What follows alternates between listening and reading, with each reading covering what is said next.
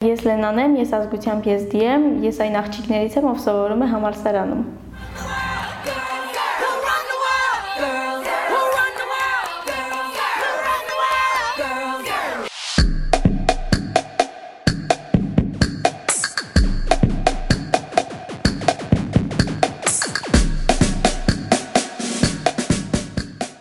Ես ապրում եմ մի գյուղում, որտեղ կա մի կարծրատիպ, որը փորձում է ազդել մեր մտածելակերպների վրա։ Կարծրատիպի պատճառով շատ աղջիկներ զրկվում են լիքը բաներից, մեր գյուղում եզդի աղջիկները զրկվել են կրթությունից։ Նրանք զրկվել են իրենց մանկությունից, նրանց ամուսնացրել են 14-ից 16 տարեկան հասակում։ Ես փորձեցի զոհ չգնալ այդ ամեն ինչին ու կարողացա հաղթահարել կոտրելով կարծրատիպերը Ես ընդունվել եմ Երևանի պետական համալսարան, որբիսի ինչքան հնարավոր է շատ տեղերում բարձրաձայնեմ այս խնդրի մասին ու վերջապես մի նորմալ լուծում գտնեմ։ Այդ երեխայի համար ամենաահավոր բանն է, որ կարա իր հետ պատահի, երբ իր ծնողը իրեն չի հասկանում ու անում են բաներ, որ իր կամքից անկախ է, իրեն զրկում են մանկությունից, իր ձեռքից դնում են խաղալիքը ու ամուսնացնում են, այնպիսի մի մարդու հետ, որը հնարավոր է իրեն ներդաշնակ չի ու որն էլ կանգնեցնում է շատ խնդիրների առաջ։ Իսկ ոնց դու կարողացար այդ կոտրել։ Ես ուղղակի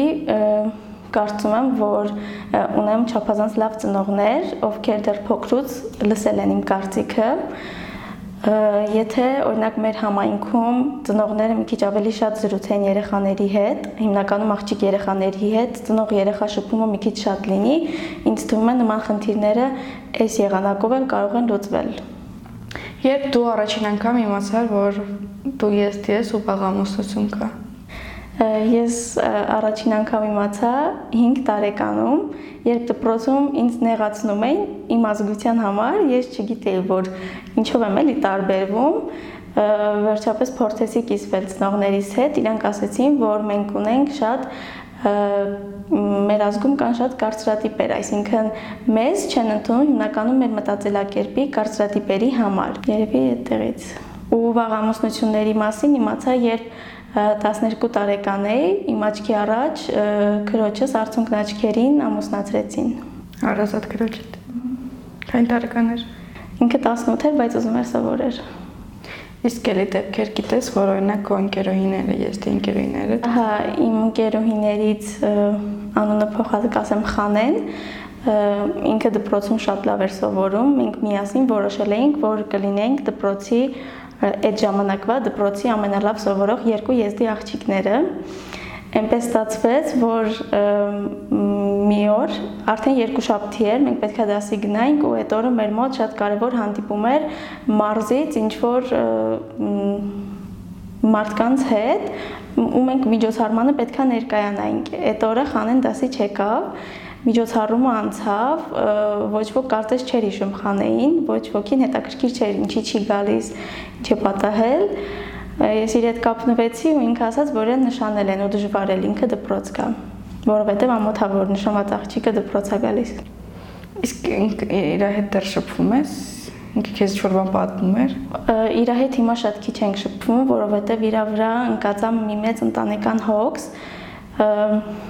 ինքը պատմում է, որ կարող է հարմարվի, այսինքն իր երազած ամուսնությունը չի, բայց այնպիսի պայմաններ են, որ կհարմարվի, կփորձի հարմարվել։ Նու ինքը ապրում է մի ընտանիքում, շատ մեծ ընտանիք է, 12 հոգուց բաղկացած ու այնտեղ ֆիզիկական աշխատանքը ուղղակի կարելի ասել շատ-շատ է։ Ինքը չէր պատկերացնում, որ նման բեռ է իր ուսերին ընկնելու ու պատրաստել չէր դրան։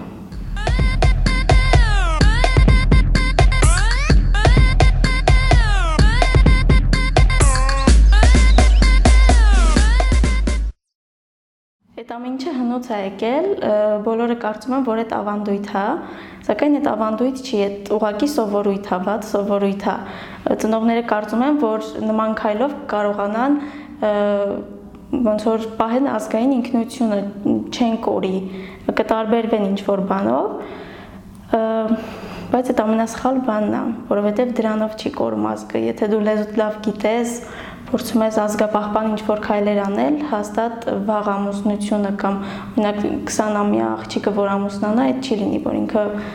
հեռացել է իր ազգային ինքնությունից։ Այսինքն երեխեքին ծնողները ամուսնացնում են, որովհետև վախենում են, որ իրանք իրենց առողջությունը կկորցնեն, եթե 20 տարեկանում ամուսնանան։ Բացի էլ իրանք մտածում են, որ ինչքան երեխան մեծանում է, այդքան ինքնուրույն է դառնում, սկսում է մտածել, սկսում է ձգտել ինչ-որ բաների,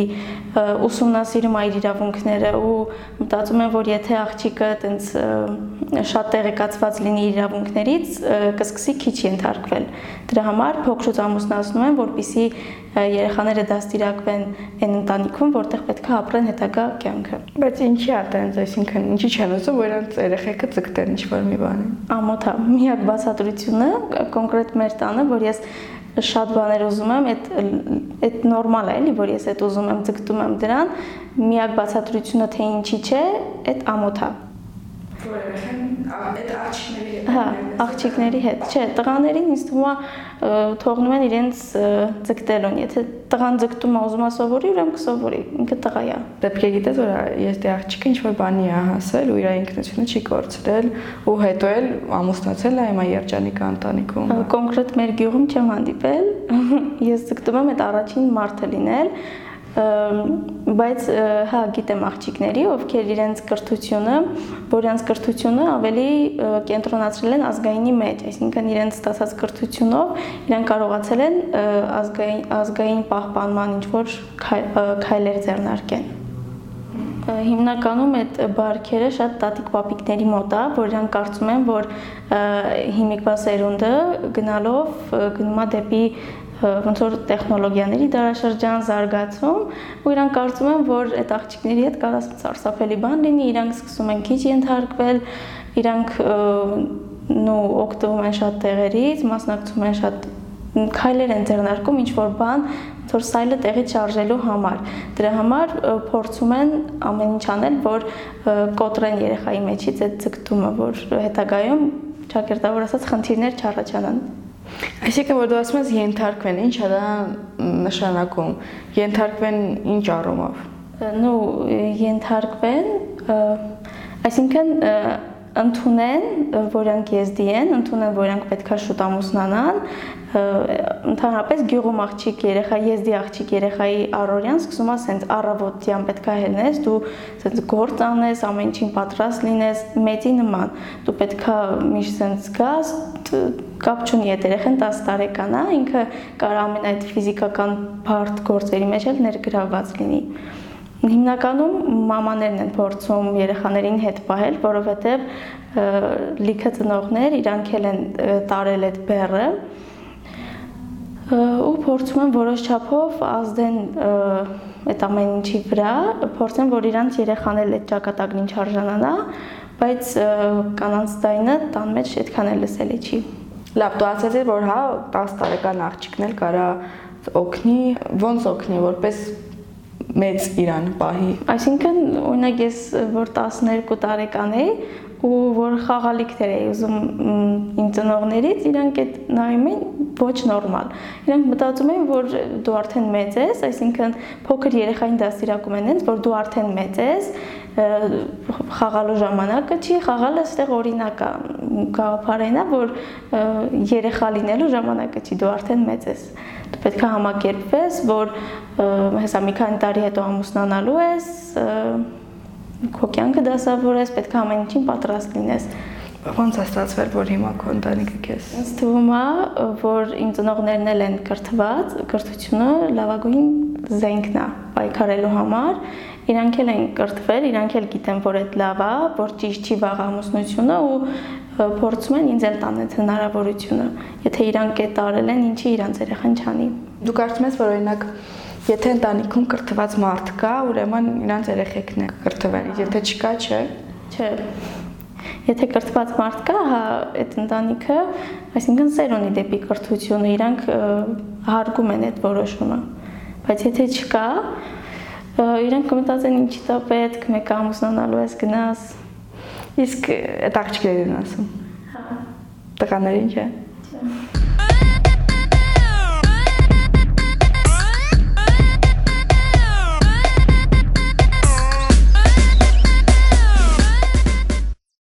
մի տնորեն մեզ պատմում էր, որ հայ երեխեքը 8-րդ 9-րդ իրենց որպես երեխա են պահում, բան, բայց ես դե աղջիկները այդ այդ ժամանակը, նո այդ ժամանակ իրանք ավելի sense մեծի նման են պահում,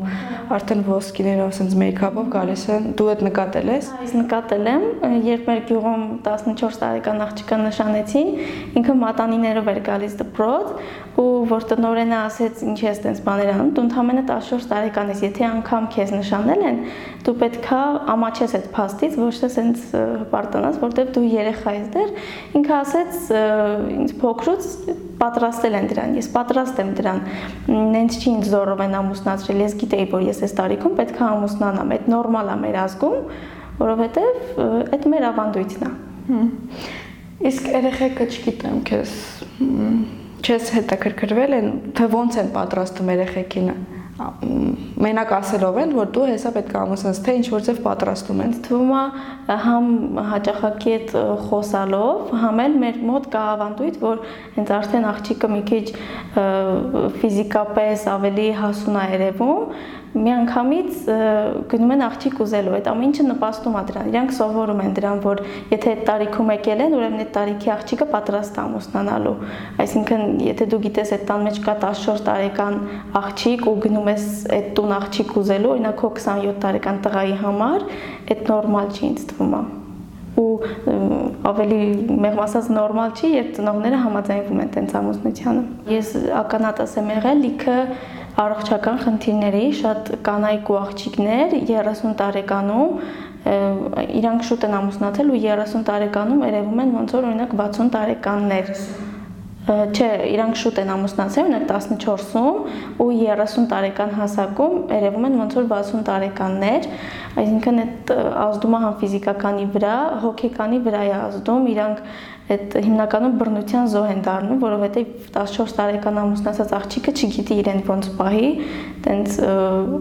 ֆիզիկական ծանր աշխատանքի ժամանակ ու երբ ինքը երեխա է ունենում, հետ ծննդաբերական սթրեսներ են առաջանում ու ոչ բոլորն են կարողանում հաղթահարել այդ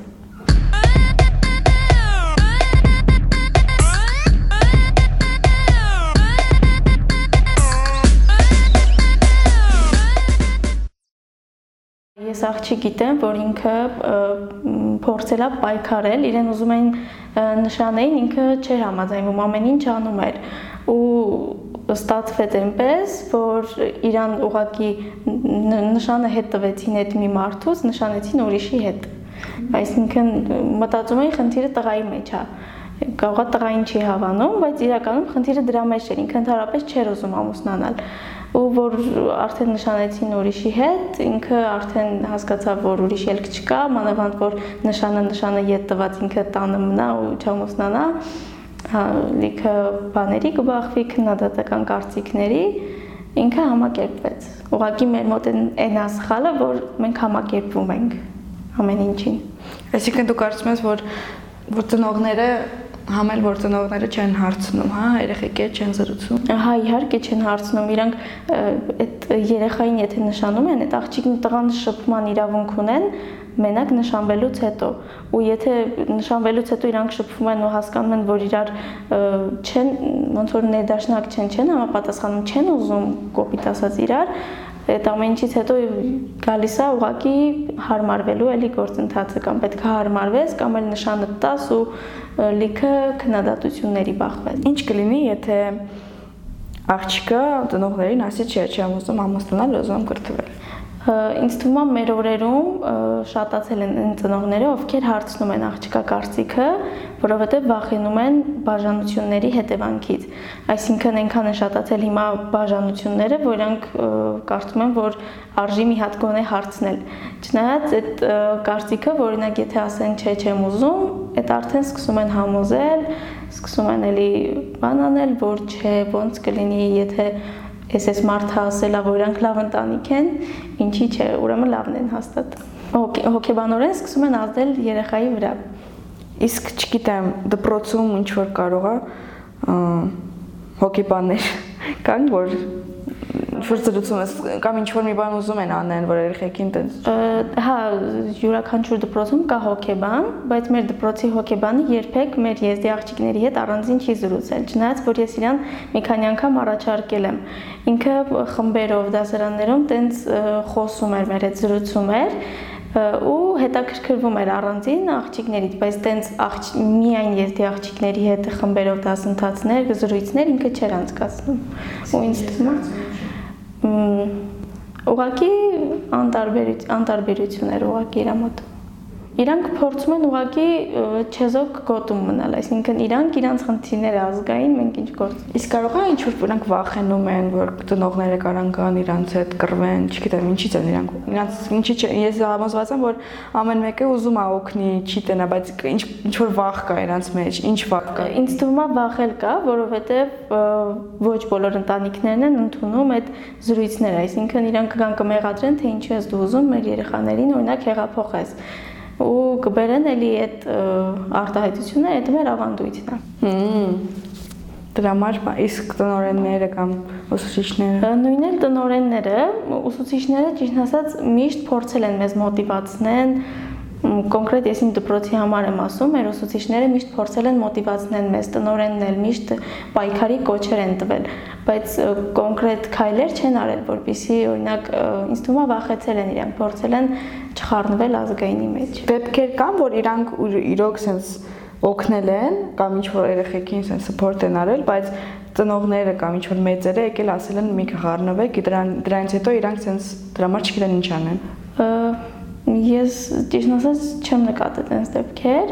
բայց օրինակ դեպքեր դեպք մի հատ պատմեմ, կոնկրետ ինձ ընդունվելուց հարցում օգնելա իմ ուսուցչուհին ու մնացած ուսուցիչները, այսինքն երբ ծնողներս ասում էին, չէ դու չես կարա, եթե ուզում ես մենակ կարա ամեն ինչ, ինքը ասում էր ես քեզ կօգնեմ ամեն ինչով, ես քո հետ կզանգեմ, մենք կպարապենք, կաշխատենք քո վրա ու երբ պապիկս ասում էր քեզ հետ պետք չի մի պարապի, մենք ուղղակի հերախոսով էինք պարապում թաքուն։ Վայ, բայց ինչ էր պապիկը ասում։ Ինչի համար ես պարապում, ինքը չգիտեր, որ ես պետքա բուհ ընդունվելու համար քնություն տամ, ինքը գիտեր դպրոցի քնությունները Ես ասում եմ, որ դպրոցի քննությունների համար եմ պատրաստում, ինքը գիտեր, որ դպրոցում քննություն չպետք է տամ։ Ու ես ասում եմ, ես ուղակի իմ համար եմ պարապում։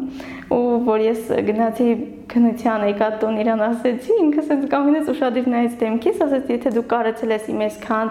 ասելուց, այսքան պահանջելուց հետո այդ քայլը անես, ուրեմն դու կգնաս կսովորես։ Ես ընդունում եմ այդ փաստը։ Ինքն է ինձ առավոտյան արտասնում, անում հելի ուշանում ես քո ընտանիքի մյուս անդամները կամ հարևանները, եզդի հարևանները, ինչ որ, չգիտեմ, ինչ ռեակցիա էր, որ իմացան, որ դու ընդունվել ես համալսարան։ Մեր մեր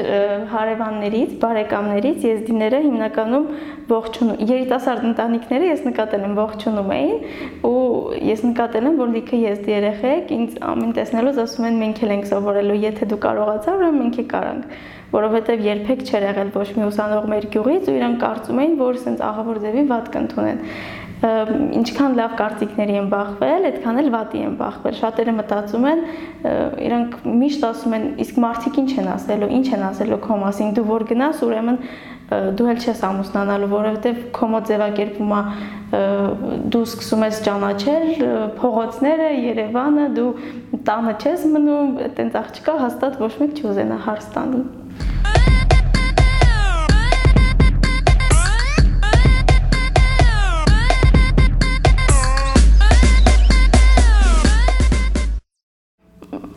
բացնելը այդ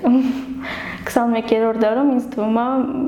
ամենաահավոր բանն է, որ դու պատկերացնում ես, որ օրինակ դու ինչ որ մեկի հետ ընդհանրապես քեզ չես պատկերացնում, դու սկսում ես արդեն իրան ատես, որ ինքը քեզ հանգիստ չի տալիս այդ ընտանիքը, ընդհատ գալիս են ու վախ կա, որ քեզ կարողա ամուսնացնել մի մարդու հետ, ում դու չես ուզում, չես հավանում, ընդհանրապես նայել չես ուզում ու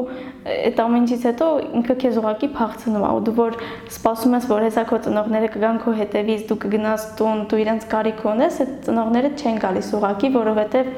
փախցրած աղջկան հետ տանել չի կարելի ամոթա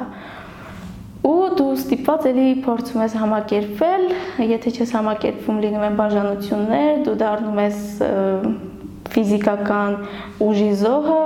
Իմ բարեկամներից մեկին երկու ամիս առաջ փախցրեցին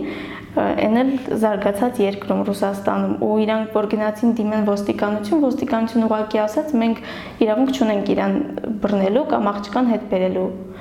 այդ զարգացած երկրում ոստիկանական համ 16 նույն իրանք պատճառաբանել էին որ աղջկա անձնագիրը ձեր մոտ չի աղջկա անձնագիրը պայուսակում էր իր հետ տարել էին ու ծնողները ասում էին մենք տվյալներ կտանք մենք ուրիշ տվյալներ կտանք մենանք երկու ժամվա մեջ գտեք մեր երեխան իրանք հրաժարվել էին օգնել իրանց ու քանի որ քաղաքից քաղաք էին տեղափոխել այդպես այդ աղջիկը արդեն ստիպված է համակերպվել այնտեղ ու հիմա ինչը հիմա հարսանիք են անում նու իրանք արդեն բարիշել են, ճիշտ նու միջև հիմա չեն համակերպվում, որ այնց աղջիկը այդպես իրենց աղջկան տարան, ինքը գիտեին, որ այդ աղջիկը երեխա է, ինքը ամեն իրիկուն տենց իր արջուկներով պիժաման հագնում պարկում էր։ Ինքը շատ երեխա էր, ինքը դեռ պատրաստ չէր հաստատ։ Իրան բոլոր ճանաչողները գիտեին, որ ինքը դրան պատրաստ չէր ու հիմա ես պատկերացնում եմ ինքը ինչքան է տանջվում այդ տան մեջ, բայց ոչ մի բան չի ասում, որ համ ծնողներին ծնողները վադրության մեջ չմտնեն, համ էլ չխորտակի իրեն։ Հա, իրանք վախենում են կողքի կարծիքներից, ոչ թե վախենում են, նու ամաչում են։ Իրանք իրանց հպարտությունը այնքան շատ է, որ իրանք ես կարծում եմ, որ իրանք այդ համայնքին ավելի շատ են լսում, հասկանում, քան իրանց երեխային։ Եթե իրանք սկսեն ավելի շատ սիրել երեխային, ոչ թե լսել համայնքին, այդ կարծրատիպերը կկոտրվի, որովհետև եթե աղջկան փախցրել են, ինքը չի ուզում, այդ ընտանիքը դժբախտ է, այդ արդեն դժբախտ է, որովհետև աղջիկը չի ուզում, կողմերից մեկը չի սիրում մյուսին ու ինձ թվում է այդ նման հարաբերությունների վրա ընտանիք չի կարա ձևավորվի, եթե ձևավորվի էլ շատ դժվար մթնոլորտում։ Երբ 14 տարեկանում ամուսնացնում են, տենց կոպիտ ասած ոսկի սարեր են խոսք տալիս, մենք ձեր երեխային լավ կնայենք, մենք գիտենք, որ ինքը երեխա է, նո կփորձենք շատ բաներից զերծ պահել, չենք թողնի շատ այդ ֆիզիկական աշխատանքով տարվի, բայց հարսանիքի երրորդ օրը արդեն իրեն իրենց պահանջվում է առավոտ շատ շուտ նույնիսկ գիշերով արթնանալ, անել բոլոր տան գործերը, քանի ընտանիքի մյուս անդամները քնած են, պատրաստել ճաշը, այդ ամեն ինչը հիմնականում գյուղերում ինձ թվում է քաղաքի զանգվածը չի շարժվում այդ կարծրատիպերով ու չի ընդունում դրանք։